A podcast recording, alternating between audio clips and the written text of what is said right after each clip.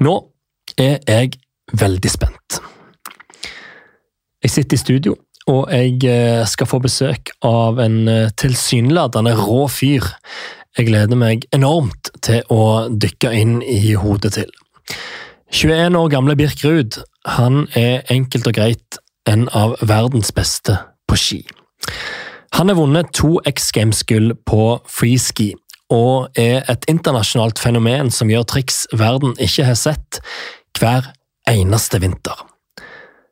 Men denne vinteren og våren ble den normalt sett høytflyvende guttens hverdag snudd på hodet, da han mista sin far og sin nærmeste støttespiller etter flere måneders sykeleie. Hvordan er Birk håndtert denne uvirkelige situasjonen? Og hva kan idretten bety for å komme seg videre fra noe slikt absurd? Og hva gjør det med perspektivet og de store drømmene til en utøver som Birk Ruud? Jeg eh, gleder meg rett og slett veldig til å høre svaret på dette, og bli kjent med en av Norges mest spennende idrettsutøvere.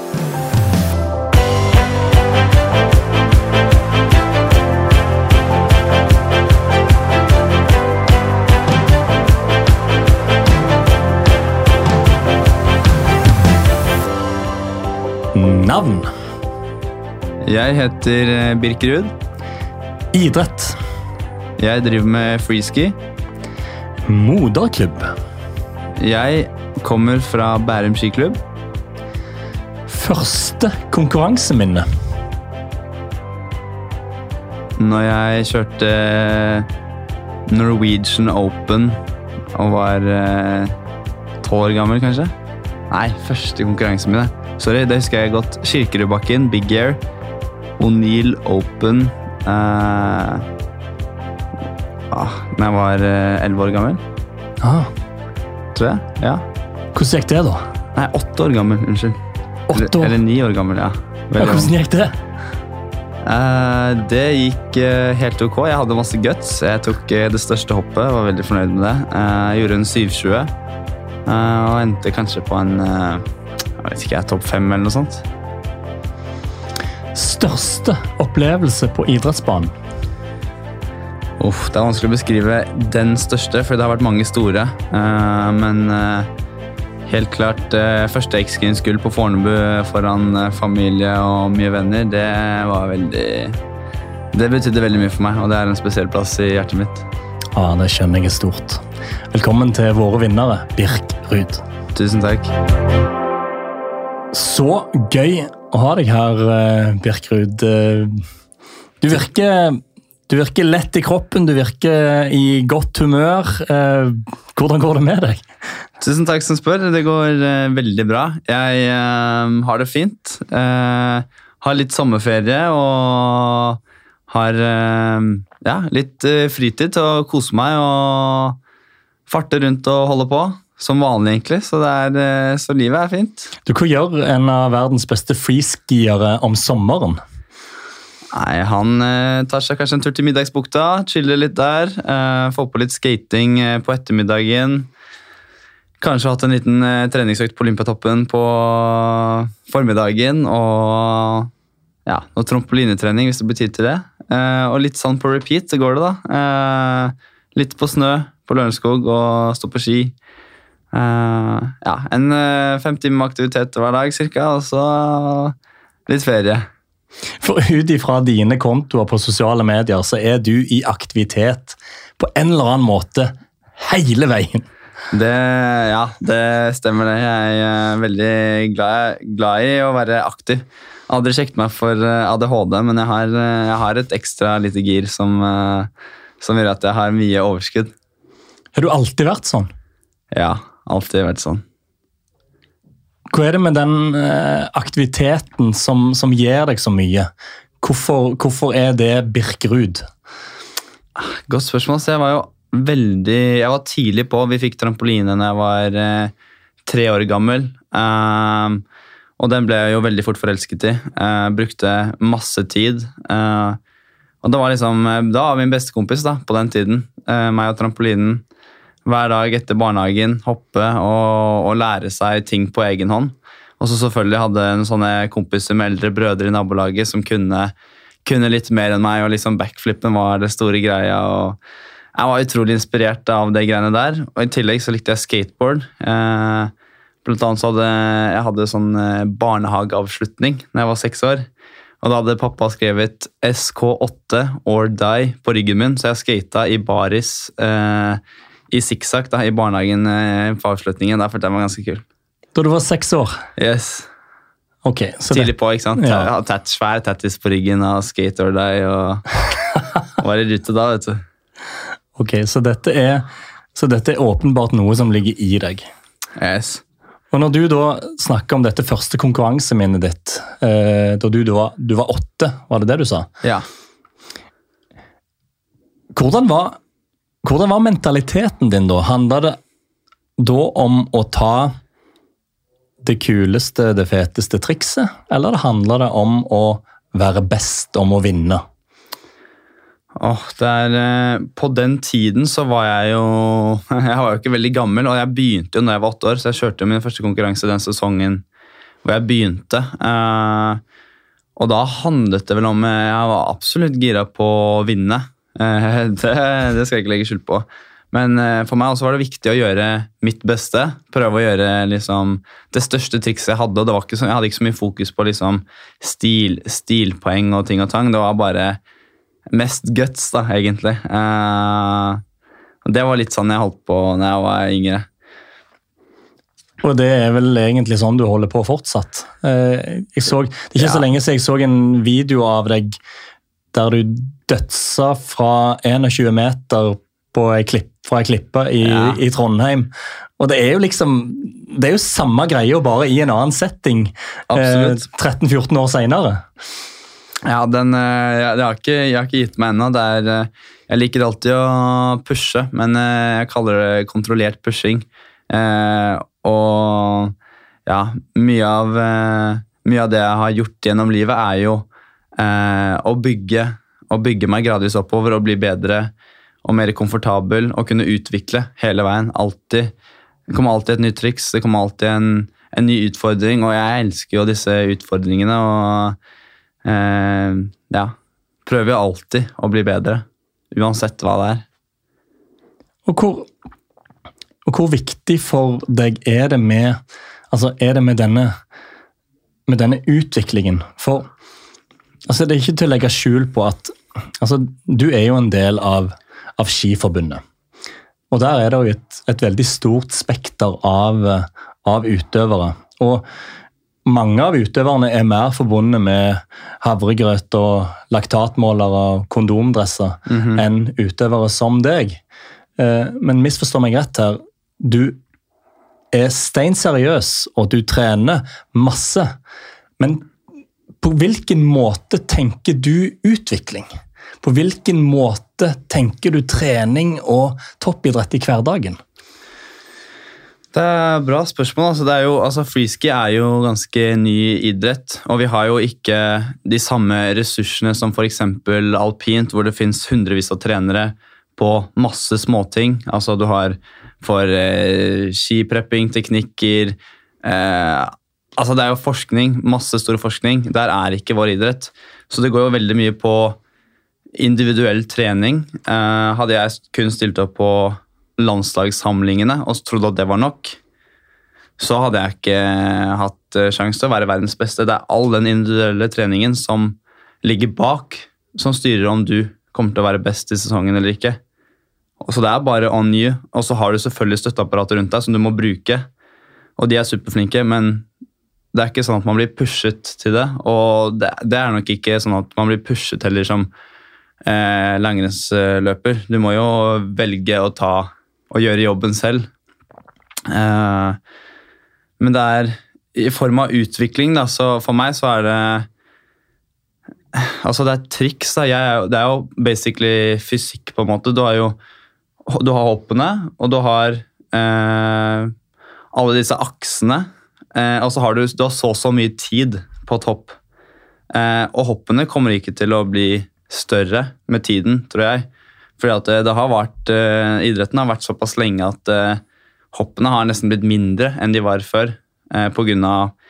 sikkerhet og liksom ting blir litt mer standardisert. Så da blir jo utvikling uh, det å få gjort kanskje ting som man skulle trodd var fysisk umulig. F.eks. at altså gjøre en backflip til frontflip i lufta på en gang, det går jo ikke. Med mindre du har nok eh, Med mindre du er på fallskjerm da, og har luftmotstand og nok tid. Men å gjøre ting som som på en måte man ikke skulle trodd altså En eller annen form for at du kan for gjøre en noe som jeg gjør eh, denne sesongen, her, en eh, off-axis, betyr at det går ut av din egen akse. Ja. Uten å rotere hodet, så du tar liksom en flipp uten at du roterer hodet. Og det skal jo på en måte være fysisk umulig, fordi du uansett hvilken vei du går, eller roterer 360 grader rundt, så vil jo hodet, hodet forflytte seg med kroppen din. Men å klare å få kroppen din til å gå 360 grader rundt, men ikke hodet ditt, det er eh, det er en form for utvikling da, i ski. Eh, og så har du jo de største triksene eh, som ikke stopper før det ikke er mulig å gjøre mer. Eh, det er vanskelig å si. Altså, utvikling for meg er, handler egentlig bare om å hele tiden eh, bli bedre. Eh, og lære meg noe nytt. Eh, så derfor, hvis jeg er litt lei av ski en periode, eller føler at ok, nå, nå, har jeg ikke muligheten til å utvikle så mye mer, ja, da hopper jeg over på snowboard da, og så prøver jeg å utvikle meg på snowboard.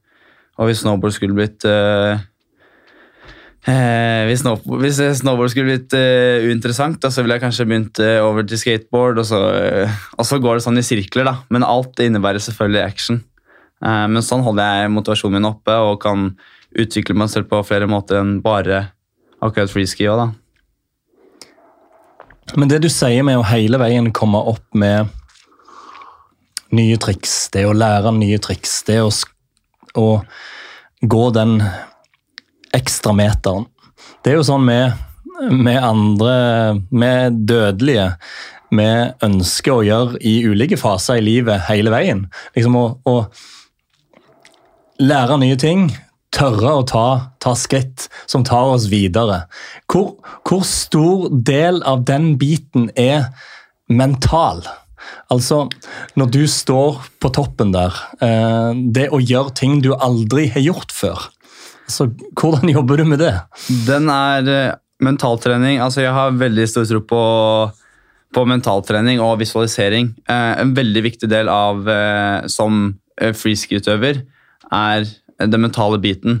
Jeg ble sendt på annen sånn, noe som het Silva-metoden da jeg var 11 år og 12 år, så år, eller 11 og 13, tror jeg. som mamma sendte meg på fordi hun mente at Eh, det er en form for mentaltrenerkurs da, hvor du kunne lære deg å liksom, det forskjellen på alfa og beta. Vi lever i beta når vi er til stede, og alfa er liksom en sånn eh, indre, indre, fase hvor du liksom kan slappe av. og ja, og på, basically på dette kurset da, så bygger du din egen verden, med du har liksom sykepleiere.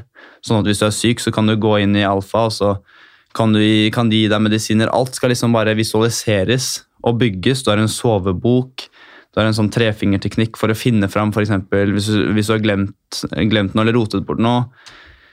Ja, En helt sånn veldig kul greie, og jeg syns det var dritkjedelig når jeg var eh, elleve år gammel. fordi at uh, Å sitte stille og liksom skulle drive og puste, jobbe med pusteteknikker og sånn når jeg var eh,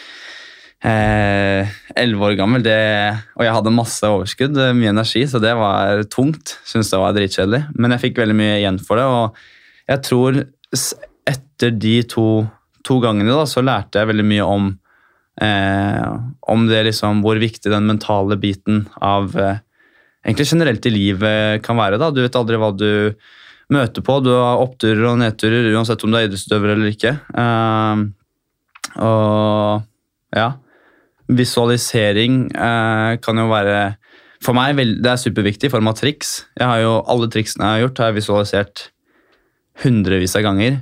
Så første gang jeg gjør det, så er jeg, jeg er happy, men jeg er nesten ikke, jeg er ikke overrasket. fordi at uh, jeg vet så godt i mitt eget hode at uh, det trikset lander jeg. Det er derfor jeg gjør det. Hvis ikke hadde det vært risiko.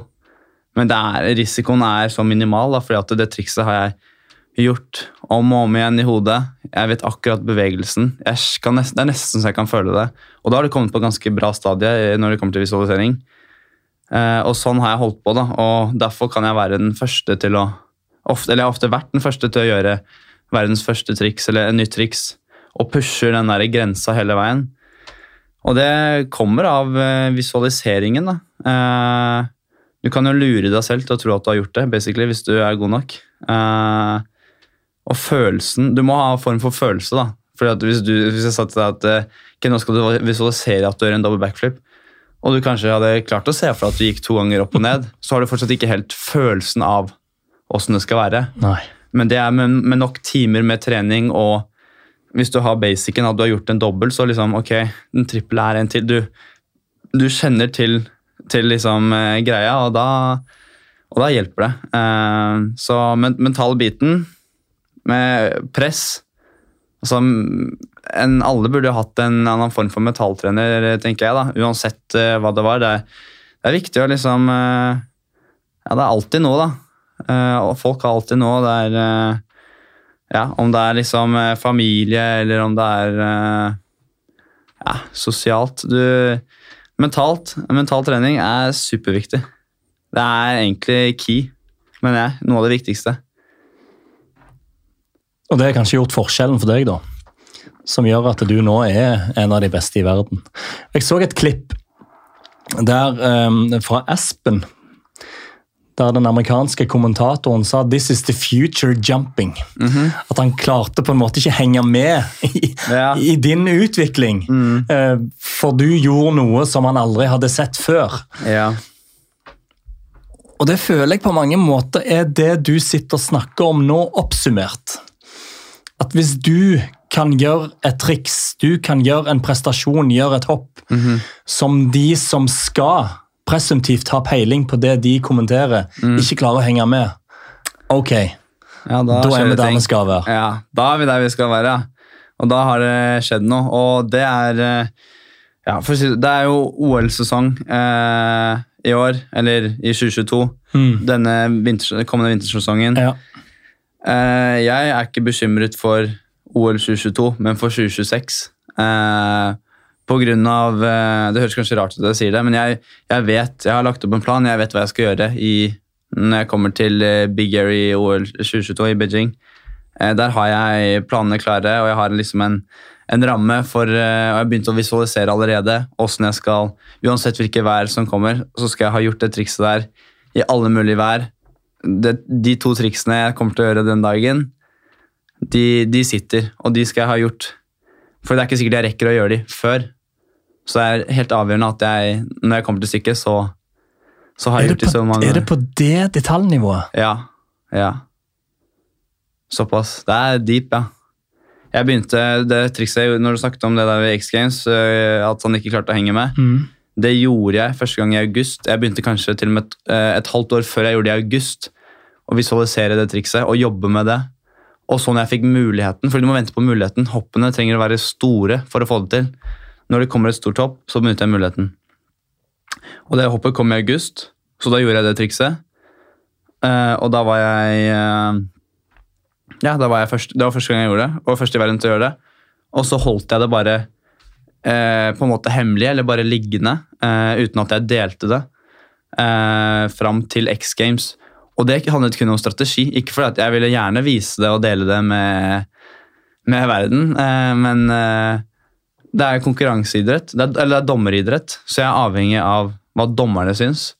Og hvis de aldri har sett det før, så, de, så er sannsynligheten for at de blir imponert større, og, og da at jeg får en bedre poengscore. Så sånn, sånn holder jeg litt på. Da. Det, er liksom, det er synd at det er sånn, for det skulle gjerne vært uh, førstemann til mål, men eh, ja, det er, eh, det er der, da. Fy søren. Da kan du begynne å snakke toppidrett på høyeste plan. Men sånn kort fortalt, hva var det du gjorde i det trikset? Hvis du kan forklare det litt for oss. Ja, eh, det jeg gjorde var en uh, triple cork eh, 1800. Eh, og det høres jo helt eh, gresk ut for eh, de som sikkert hører på nå.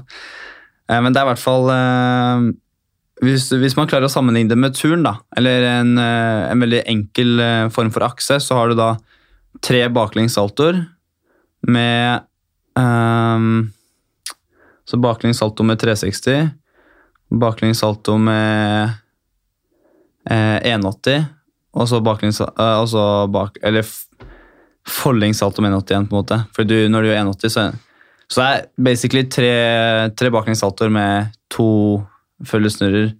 Mens i freeski så teller du ikke Du teller flipper, eller corks, som en rotasjon. Så det er da basically så går jeg ut av min egen akse tre ganger og snurrer totalt fem ganger rundt meg selv. Og det blir jo fem ganger hvis du tenker tre backflips, er jo da en backflip er 360 grader, pluss en til, 720, og så 1080, og så to piruetter blir da fem, 1800. Det er vanskelig å forklare, men man burde men det er Jeg forstår, fall- jeg forstår setningen 'This is the future jumping'. Ja, det er mye snurring. Ja. Og, da, og du har jo klart å vinne X Games to ganger. Og to sølv. Som Og to sølv. Ja, det er tungt. Men sånn er det. Og jeg lurer på er, er det det viktigste for deg å vinne sånn som X Games, eller er det det viktigste for deg å sette triks som ikke verden har sett? Det der er et uh, bra spørsmål. Jeg har, uh, jeg har rukket i løpet av min uh, karriere så langt å finne ut hva som jeg Hvordan en vinnerfølelse skal føles i, for meg.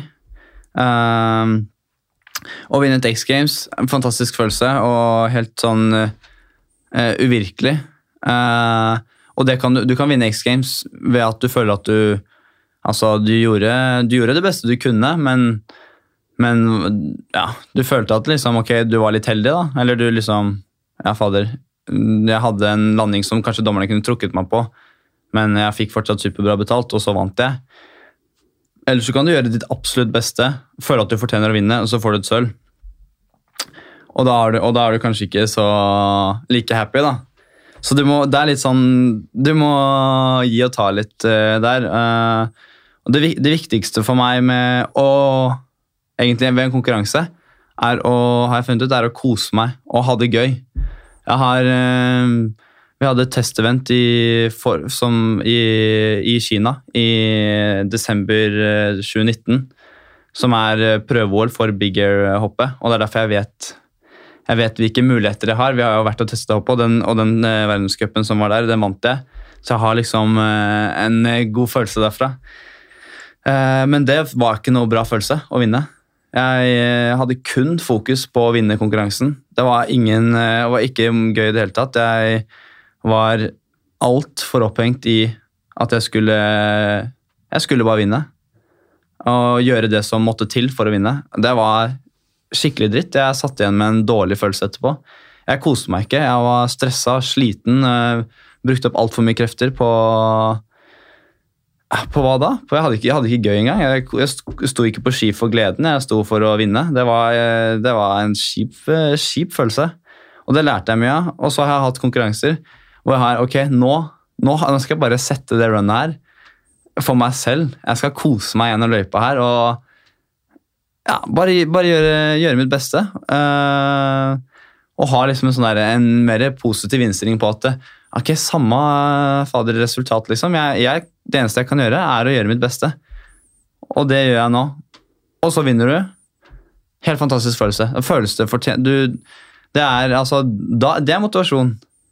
Jeg, hvis jeg skulle drevet og kjempet bare for uh, den førsteplassen, så hadde det hadde ikke vært verdt det hvis det handlet kun om det resultatet.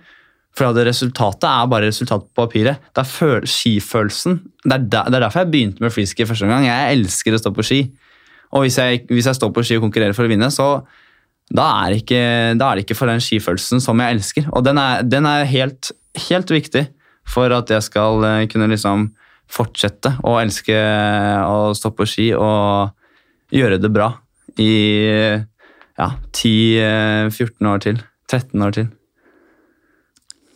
Da ga du rett og slett slipp på deler av din identitet Yes. for å vinne, og så sørga det for at du ikke vant.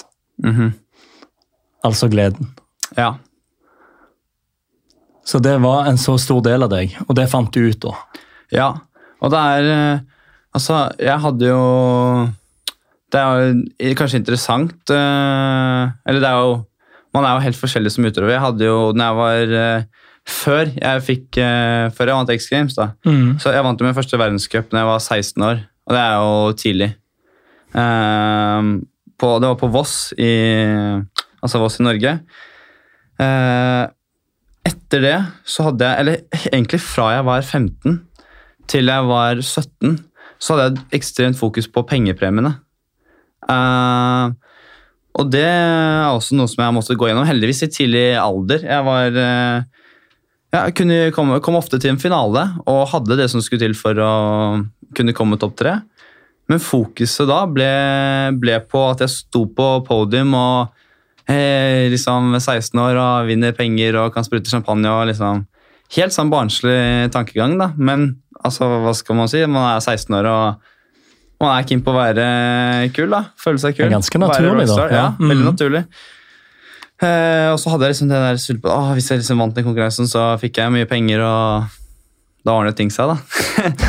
eh, eh, og da ja, rota jeg det til mange ganger. Jeg brukte opp eh, ja, jeg brukte jo basically opp eh, alle sesongene, utenom helt på slutten, hvor jeg klarte å hente inn et resultat på Ja, på Sette første hopp i finalen, og da Ok, nå har jeg bare ett opp igjen, og det her har jeg, liksom.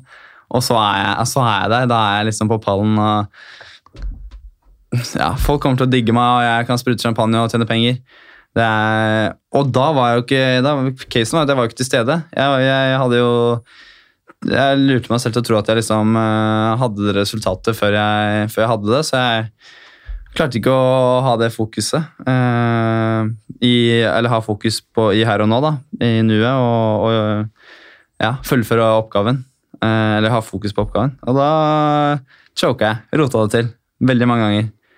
Fram til jeg eh, fikk meg en mentaltrener som Og vi gikk gjennom steg for steg, og hvor eh, feilen kom inn. da. Når begynte den tanken om at ok, nå, nå er det pengene og bla, bla, bla. Og, og liksom det at hvorfor. Hvorfor var disse pengene viktige for meg, eller hvorfor var selve det resultatet og liksom hele den greia så viktig.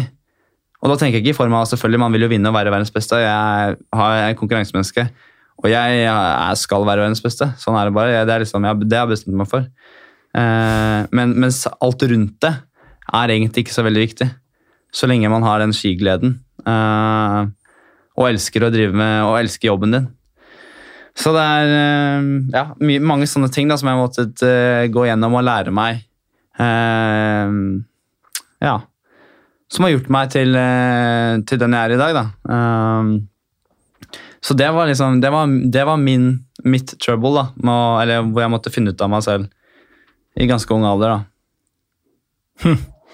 Det er interessant. Så du fant ut at det nytta ikke å stå og tenke på champagneflaska når du sto på toppen av bakken før hoppet. Det fant jeg ut av. Kort fortalt så var det akkurat det jeg fant ut av. Da du vant X Games med familien din til stede i Oslo, Mm, det beskrev du som din største opplevelse i karrieren så langt. Hvorfor det? Um, det var jo Det var jo mitt eh, Jeg lurer på om det var mitt tredje X Games, men eh, det var et helt spesielt X Games. Fornebu. Det er eh, 1,5 km unna der hvor jeg bor. Eh, jeg bor på stranden på Stabekk, Eh, så jeg kunne jo sykle ut. Ehm, og det at eh, Noe som er liksom min sånn barndomsdrøm, som alltid har vært liksom det gjeveste.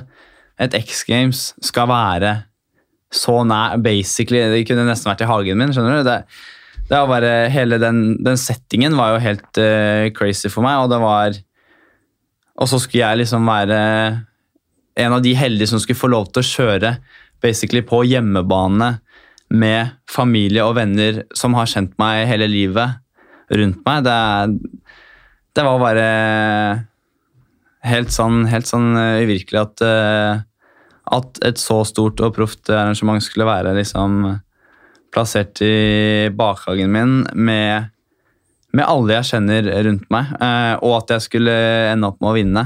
Det er Altså, hva er oddsen? Det er eh, Ja. Det var helt eh, Det var spesielt, og det var en veldig sterk eh, følelse for meg. Og veldig Ja. Den, det glemmer jeg ikke med det første. Og Da klarte du altså å stå på toppen der med alt dette utenforliggende som kunne ha forstyrra ditt fokus. Da klarte du altså å holde tankene på det du skulle. Mm. Tror du vil vite hvorfor? Ja, det vil jeg veldig teori? gjerne. Ja. Ja.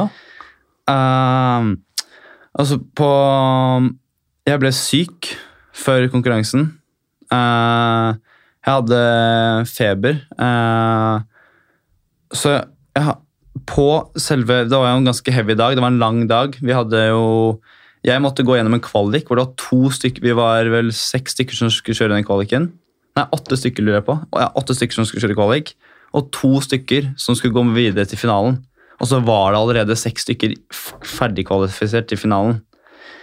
Uh, og jeg var en av de som måtte komme meg videre. Jeg hadde eh, skrevet inn eh, passord på skole-PC-en min, for på den tiden så gikk jeg på Vang videregående. Passordet på PC-en min var X Games finale. Uh, og det hadde jeg ca. i tre uker i forveien, så hver dag jeg var på skolen, skrev jeg en X Games-finale som passord på PC-en for å logge inn. X Games-finale, X Games-finale, X Games-finale. Det er også en, eh, det var noe pappa sa til meg faktisk en gang, at eh, hvis du skal altså Selvfølgelig skal jeg ikke ha Det er ikke sånn at folk kan komme og prøve å hacke meg nå. liksom fordi at eh, ja, da er det sikkert Beijing 2022 gull, eh, skjønner du. Men, men hvis du har passord som på en måte er ja, som du, som du ofte skal logge inn på, som ikke er liksom så, så viktig, da, så kan det være greit å, å bruke det som et mål, eller noe som er motiverende. Eh, hvis du står opp om morgenen og skal logge deg på PC-en og sjekke mails da, hver dag, og så har du liksom eh, f.eks. Eh, årets podkast. mm. Ikke sant? Så har du det, da, da er det noe som du bare sier til deg selv, som legger seg i underbevisstheten din. Eh, Å skrive mål har alltid, Det begynte jeg med da jeg var 14 år gammel, eller 13 år gammel, og det har eh, alltid vært veldig key for meg. Og det er utrolig hva man får til med å bare skrive ned ting. Før du skriver det ned, så er det en drøm. Skriver du ned, så har du et mål. Det er eh, ja. og, og sånn eh, tror jeg Det er noe av grunnen, tror jeg. X Games finale, og det hadde også lært på meg, grunnen til at jeg skrev finale og ikke X Games gull, er fordi at eh, du kan ikke du kan ikke bare hoppe Ofte så er det jo du må, du må gå en vei før du kommer til eh, det var det, altså det med champagne og de greiene der. ikke sant? Mm. Jeg, jeg gikk første steg til, til finalen, og så hoppet jeg hele veien til førsteplassen, da, med, til champagnen. Og jeg glemte at jeg skulle gjøre de to triksene, og ha fokus på de to. Så Derfor var det viktig for meg å komme meg til X Games-finalen. Hadde jeg kommet meg til X Games-finalen, så visste jeg at da hadde jeg den motivasjonen, og da, da var jeg i den flyten til at jeg kunne vinne. Så derfor var passordet X Games-finale, og ikke X Games-gull. Um, gir det mening? Det gir veldig mening. Ja. uh, for det visste jeg at jeg kunne, ikke, jeg kunne ikke hoppe for direkte. Skriver du veldig direkte, så ja. Du må, du må, du må alltid gå noen steg, da, så det er greit å fordele det. Og det, og det ligger mindre press på deg selv også. X Games-finale. Det høres bedre ut enn X Games-gull. Det er bare én som kan ta gull. X Games-finale. Det er to, to muligheter. Så i hvert fall kom jeg meg inn gjennom den finalen. Eh, jeg tror jeg ble nummer to. eh, av, så det var meg og en annen fra USA som kom oss inn til den finalen. Eh, og jeg tror det er også en annen faktor som gjorde at jeg eh, gjorde det bra, var jeg, siden jeg fortalte jeg var syk, så hadde jeg ikke eh, overskudd til å, til å drive og gjøre disse triksene så mange ganger. Så jeg var veldig fokusert på å bare gjøre minimalt og bruke minimalt med krefter eh, for å forberede meg. Så jeg gjorde, så jeg gjorde fire hopp, ja. og så måtte jeg dra hjem og hvile før jeg skulle komme tilbake. Og da, og da hadde jeg liksom eh, Ja, jeg hadde rett og slett ikke Jeg, må, jeg måtte prioritere. Eh, og jeg tror den prioriteringen var også veldig lur, fordi at ofte så kan du ville gjøre triks som flere ganger enn du trenger, eh, bare for at du vil liksom være sikker på at du har det. Men det er en veldig fin balanse. Du, ofte så må du, du, du kan ja, Et golfslag, da du kan jo gjøre det tusen ganger, og så men akkurat når det gjelder Du gjør det sikkert like bra det slaget hvis du har varmet opp eh, med fem slag, enn om du varmer opp med sju slag. Mest sannsynlig bedre også, ved å ta mindre slag. Så det var eh, ja, riktig prioritering av tid og krefter. Eh, fikk jeg Paracet og Ibux, og så kjørte jeg den finalen, og var i ja, Selvfølgelig, det var så mye tanker eh, om ting og tang. Men jeg, men jeg var så sliten fordi jeg var syk, så jeg klarte ikke å fokusere på noe annet enn ski. Og det tror jeg også var litt av eh, suksessen i det. For det var alt rundt. det var ikke, Jeg hadde ikke krefter til å tenke på det engang. Jeg var helt, eh, for det første, det hadde vært en lang dag. Jeg var sliten, supernervøs, syk. Kroppen var liksom på eh, i underskudd, så jeg måtte bare samle meg og fokus på skikjøringa for ikke liksom skade meg eller for å liksom få til trikset. da. Og det var ikke mer enn det jeg trengte for å vinne. Fy søren. Og så fikk, pappa veldig, sorry, var, så fikk pappa veldig dårlig samvittighet fordi at han hadde gitt meg spansk spansk Ibux. Og han var jo livredd og slet med å sove i tre måneder etterpå før fordi det ble dopingtest etter. Ah. Og han, eh, han var så stressa for at det skulle være noe som var på dopinglistene med en spansk Ibux. E Eh, så han eh, Ja, så jeg syns synd på han eh, i etterkant. Han eh, brukte Ja, han var livredd for at han hadde tenkt om han liksom, at jeg skulle bli tatt for doping. Og så skulle jeg liksom miste mitt første ekskvinneskull. Det var, eh, så det var mye som skjedde eh, på det, på det eventet, men eh, det gikk heldigvis fint. Du, Pappaen din han har alltid vært til stede for deg. Ja, alltid. Hvor mye har han betydd for den du er?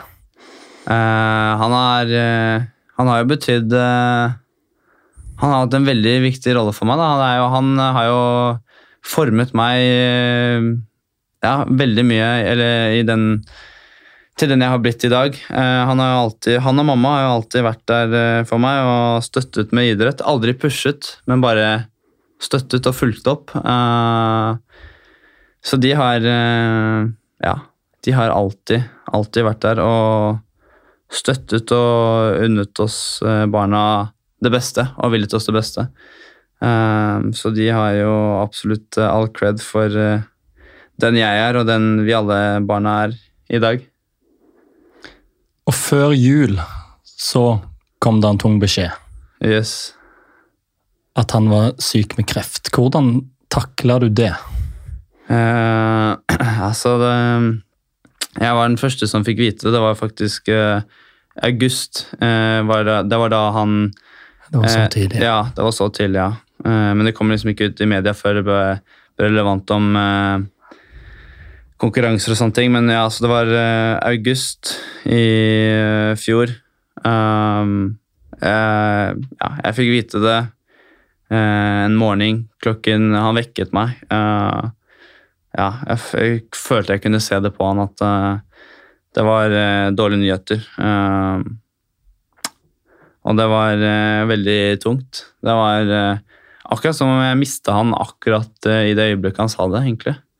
Eh, litt fordi at man Ja, han, han var jo veldig sånn eh, Han var en veldig ærlig, ærlig mann og veldig direkte på ting. Eh, så mm, han sa liksom at det skal godt gjøres at jeg blir eh, over 60 år, og begynte å snakke om liksom at eh, ja, åssen ting og tang må fikses og Og det var liksom med en gang, da, rett på, skulle, for å sørge for at liksom, ting er på stell. da, Hvis det skulle skjedd i morgen, eller hvis det ikke sant. Så det var ganske brutalt, eh, men samtidig er jeg veldig glad for at han sa det så direkte. Eh, for da, da får man realiteten. Det er ikke, kan ikke Ja, det er bedre det, å liksom, Mm. å se alvoret i det og liksom vite at ok, shit, det her eh, er tungt, det her er hva fader skal jeg gjøre, liksom? Enn å liksom gå rundt og, og legge skjul på at det er noe som er veldig alvorlig, da. Så da Ja, m- livet ble jo påvirket, egentlig hele familien. Vi er jo veldig close familie, så ble jo påvirket i stor grad. Eh, ja, vi var mye, mye lei oss, men han akkurat da så var han jo på en måte frisk, frisk nok. da. Han var jo seg selv, men han ble bare ganske fort sykere. Eh, og ja, jeg holdt på å stå på ski og gjøre og følge min hverdag. Det var veldig viktig for han, at vi alle eh, ja, fortsatte med akkurat det som vi, det vi liker å gjøre. Og, og, og har vanlige hverdager, og ikke liksom går og soser bort tiden fordi at vi tenker på ting, eller, men bare liksom har litt rutine på ting. da. Eh, ja. Og sånn eh, fortsatte det egentlig helt til eh, ja, hele veien. Da, og ja, måtte selvfølgelig synes det var tungt å skulle dra bort, men samtidig også syns jeg det var fint å kunne komme seg litt bort. og liksom ja, føle at jeg kunne ja, bare henge, gjøre noe litt annet. og Det er tungt å se faren sin være syk og, og liksom vite at du ikke kan gjøre så mye heller. Eh, eller egentlig ingenting. Du kan bare være til stede, men du kan ikke du kan liksom ikke gjøre noe for å redde han eller eh, prøve å gjøre det bedre. Så derfor syns jeg liksom at det var litt fint å dra bort, men fordi at jeg visste at jeg veldig lett kunne komme meg komme meg hjem igjen. ja, For du prøvde å konkurrere? Ja, ja, og det var viktig for han at jeg skulle dra bort mm. også. og liksom Nei, Birg, du skal ut og reise, og du må kose deg. og Det er veldig viktig. Du kan ikke Det er ikke noe du får gjort. Du må, du må kjøre på med ditt, og så er Og sånn skal det være. Det er, sånn må det bare være. Så jeg gjorde det, og syntes det var liksom veldig fint at han sa det, og jeg vet jo at han mente det.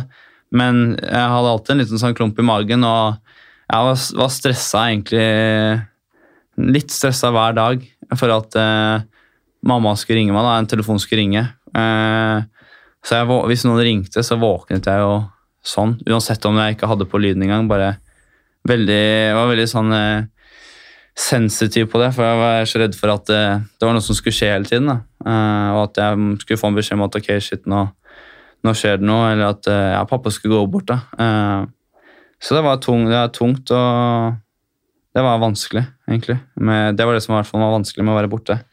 Det hele tiden måtte jeg liksom gå Føle at jeg måtte liksom passe på, da. Eller gå og vente litt på ting.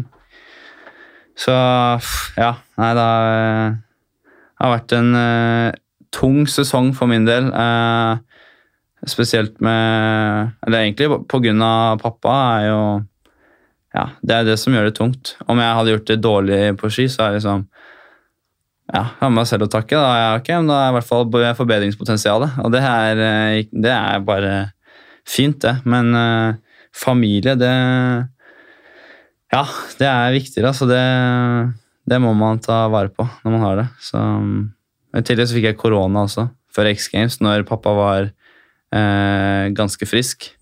Eh, og hadde fått en sånn eh, behandling som funket litt. Eh, så det var liksom min ene sjanse til å konkurrere litt og liksom okay, hente inn litt resultater og ja kose meg. Men eh, så lugger det såpass at jeg klarer å få korona på vei ned og må stå over X Games. Så ja, det, er, det har vært mye, mye nedgang. Eh, så det er Ja. Det er sånn det er, det. Men uh, ja, pappa var alltid flink til å si at livet er urettferdig, og det må man bare akseptere.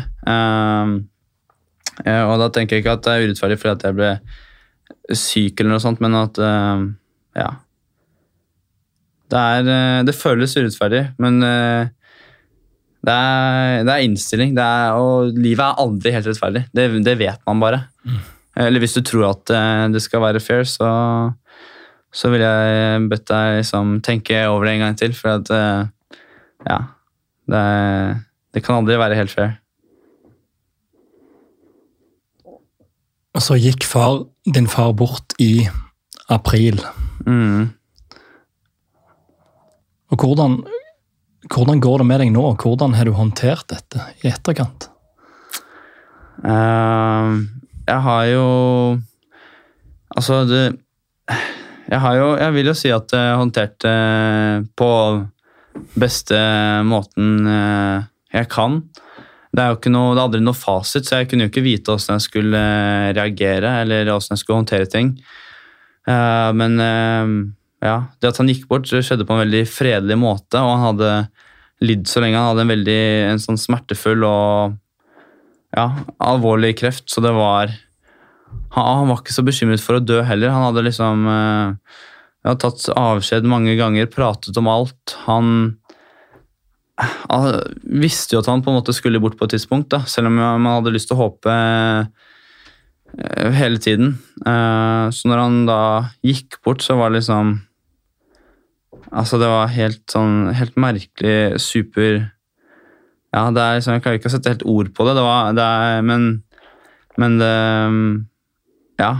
Jeg føler jo at han er med meg. Uh, mm. Så det er forskjellen at han er liksom ikke fysisk til stede, men han er jo til stede et eller annet sted. Uh, og det er sånn jeg velger å se på det. På den måten så gjør det det litt lettere. Da. Jeg skulle selvfølgelig ønske at han liksom eh, hadde sett meg på 71 grader nord, eller sett meg liksom Men samtidig så har han jo sett Han har sett meg, han vet hvem jeg er, og det er det som teller. Eh, så det ville bare blitt mer.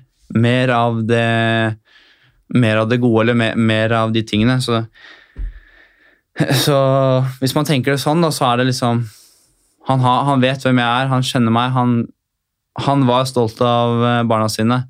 Så det er bare snakk om at han ville fått flere år til å se oss eh, lykkes eller ha motgang eller finne oss koner, få barn, alt det der. Men det, det, skjedde, det skjedde, jo ikke, så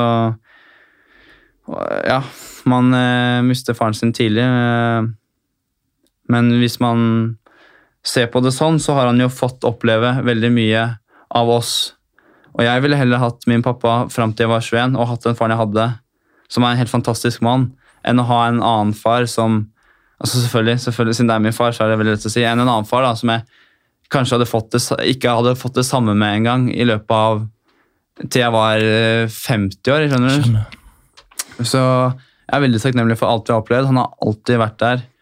Eh, stilt opp, og vi har hatt masse kvalitetstid. Han har vært veldig flink til å ha en, rolle, en viktig rolle hos alle oss barna.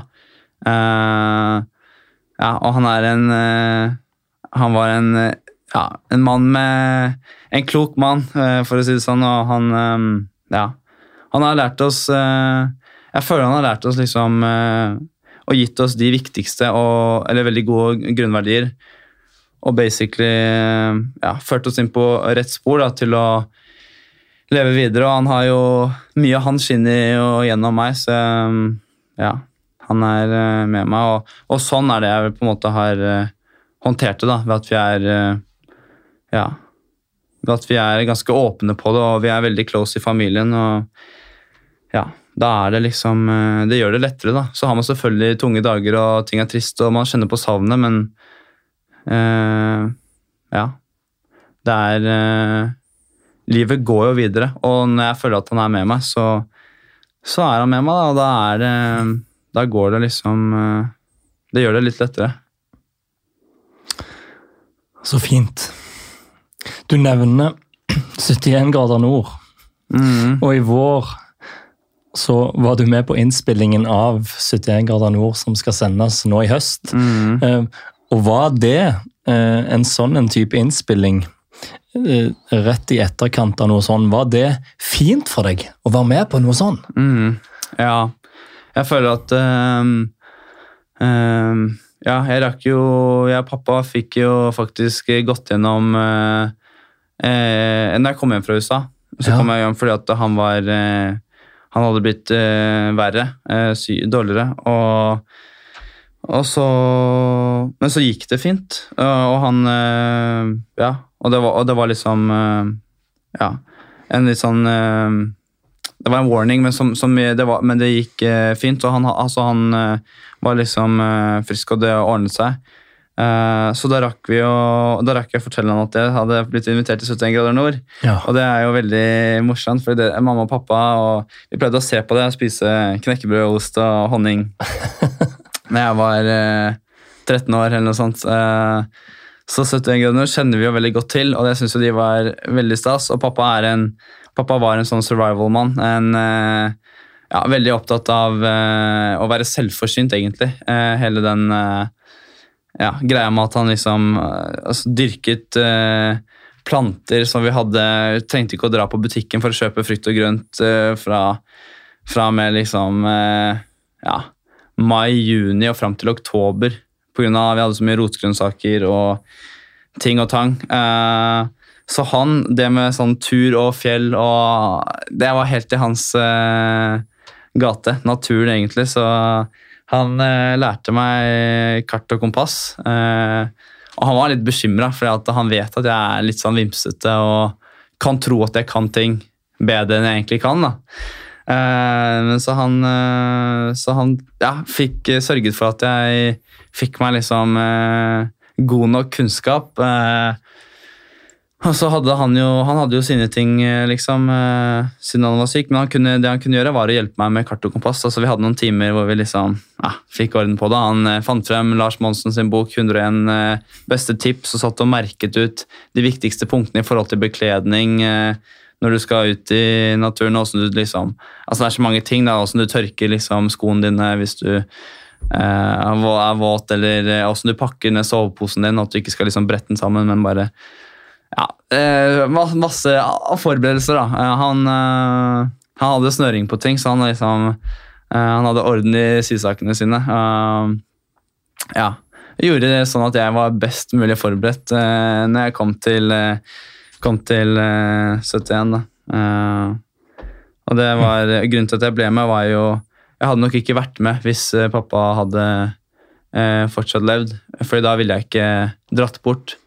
Uh, men siden han Han var veldig bestemt på at det skulle jeg gjøre, og uansett åssen det skulle bli. Uh, men siden han gikk bort, så uh, hadde jeg liksom noen uker på Ja. På Ja, jeg vet ikke. altså man må jo, Det er ganske tungt å miste noen som står oss så nært, så da måtte jeg bare Ja. da var det jo litt sånn det var tungt, men da var det veldig fin avkobling å kunne dra på 71. Og mamma var liksom veldig opptatt av at ok, dette skal du på, det her blir superkult. Du kommer til å henge med ni andre fantastiske mennesker som, eh, hvor du kan gå på tur. Og her er det sikkert masse folk som har mye erfaring du kan prate med og bli kjent med. Dette må du gjøre. Og jeg eh, bestemte meg for å gjøre det, og jeg er supertakknemlig for uh, den uh, fine turen jeg hadde med den 71-gjengen.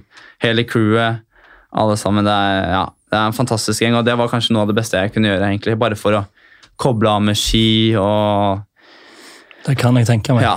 Pappa og Bare egentlig alt. Bare uh, ta en liten sånn uh, break, på en måte. ja, jeg trengte det, tror jeg.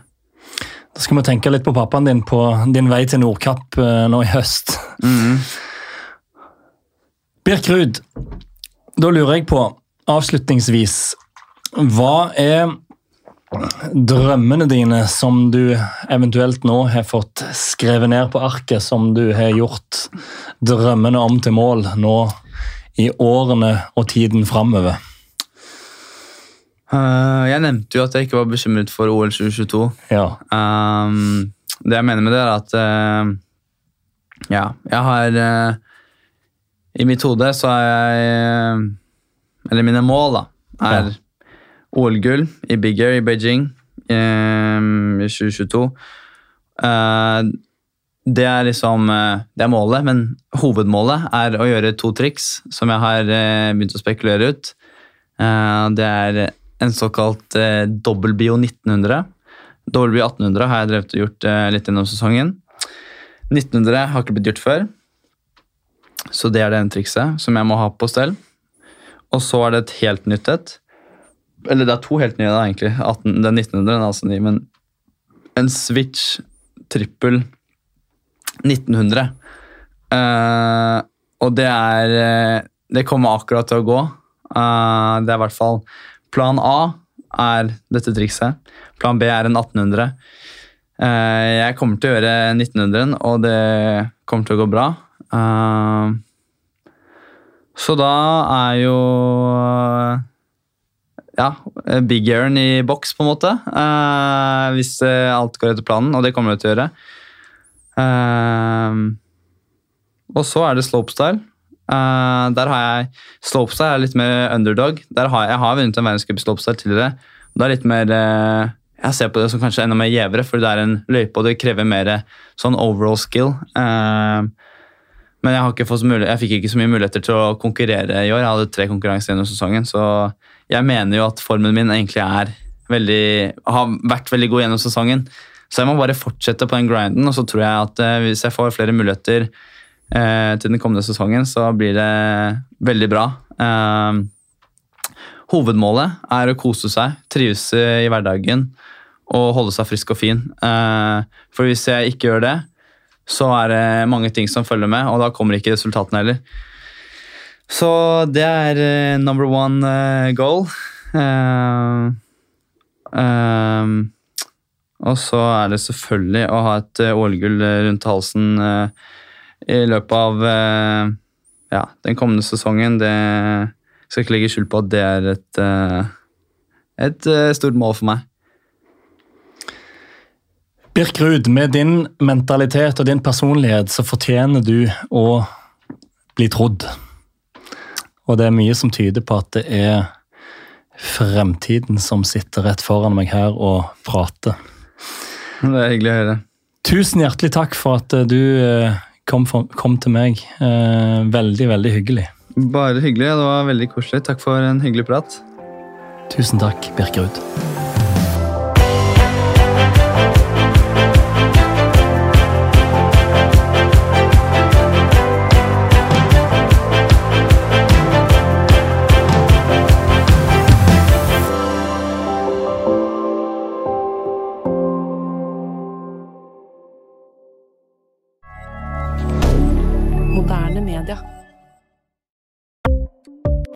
Ukens annonsør er Folio, en smartere banktjeneste for deg som har en egen bedrift eller ønsker å starte for deg selv.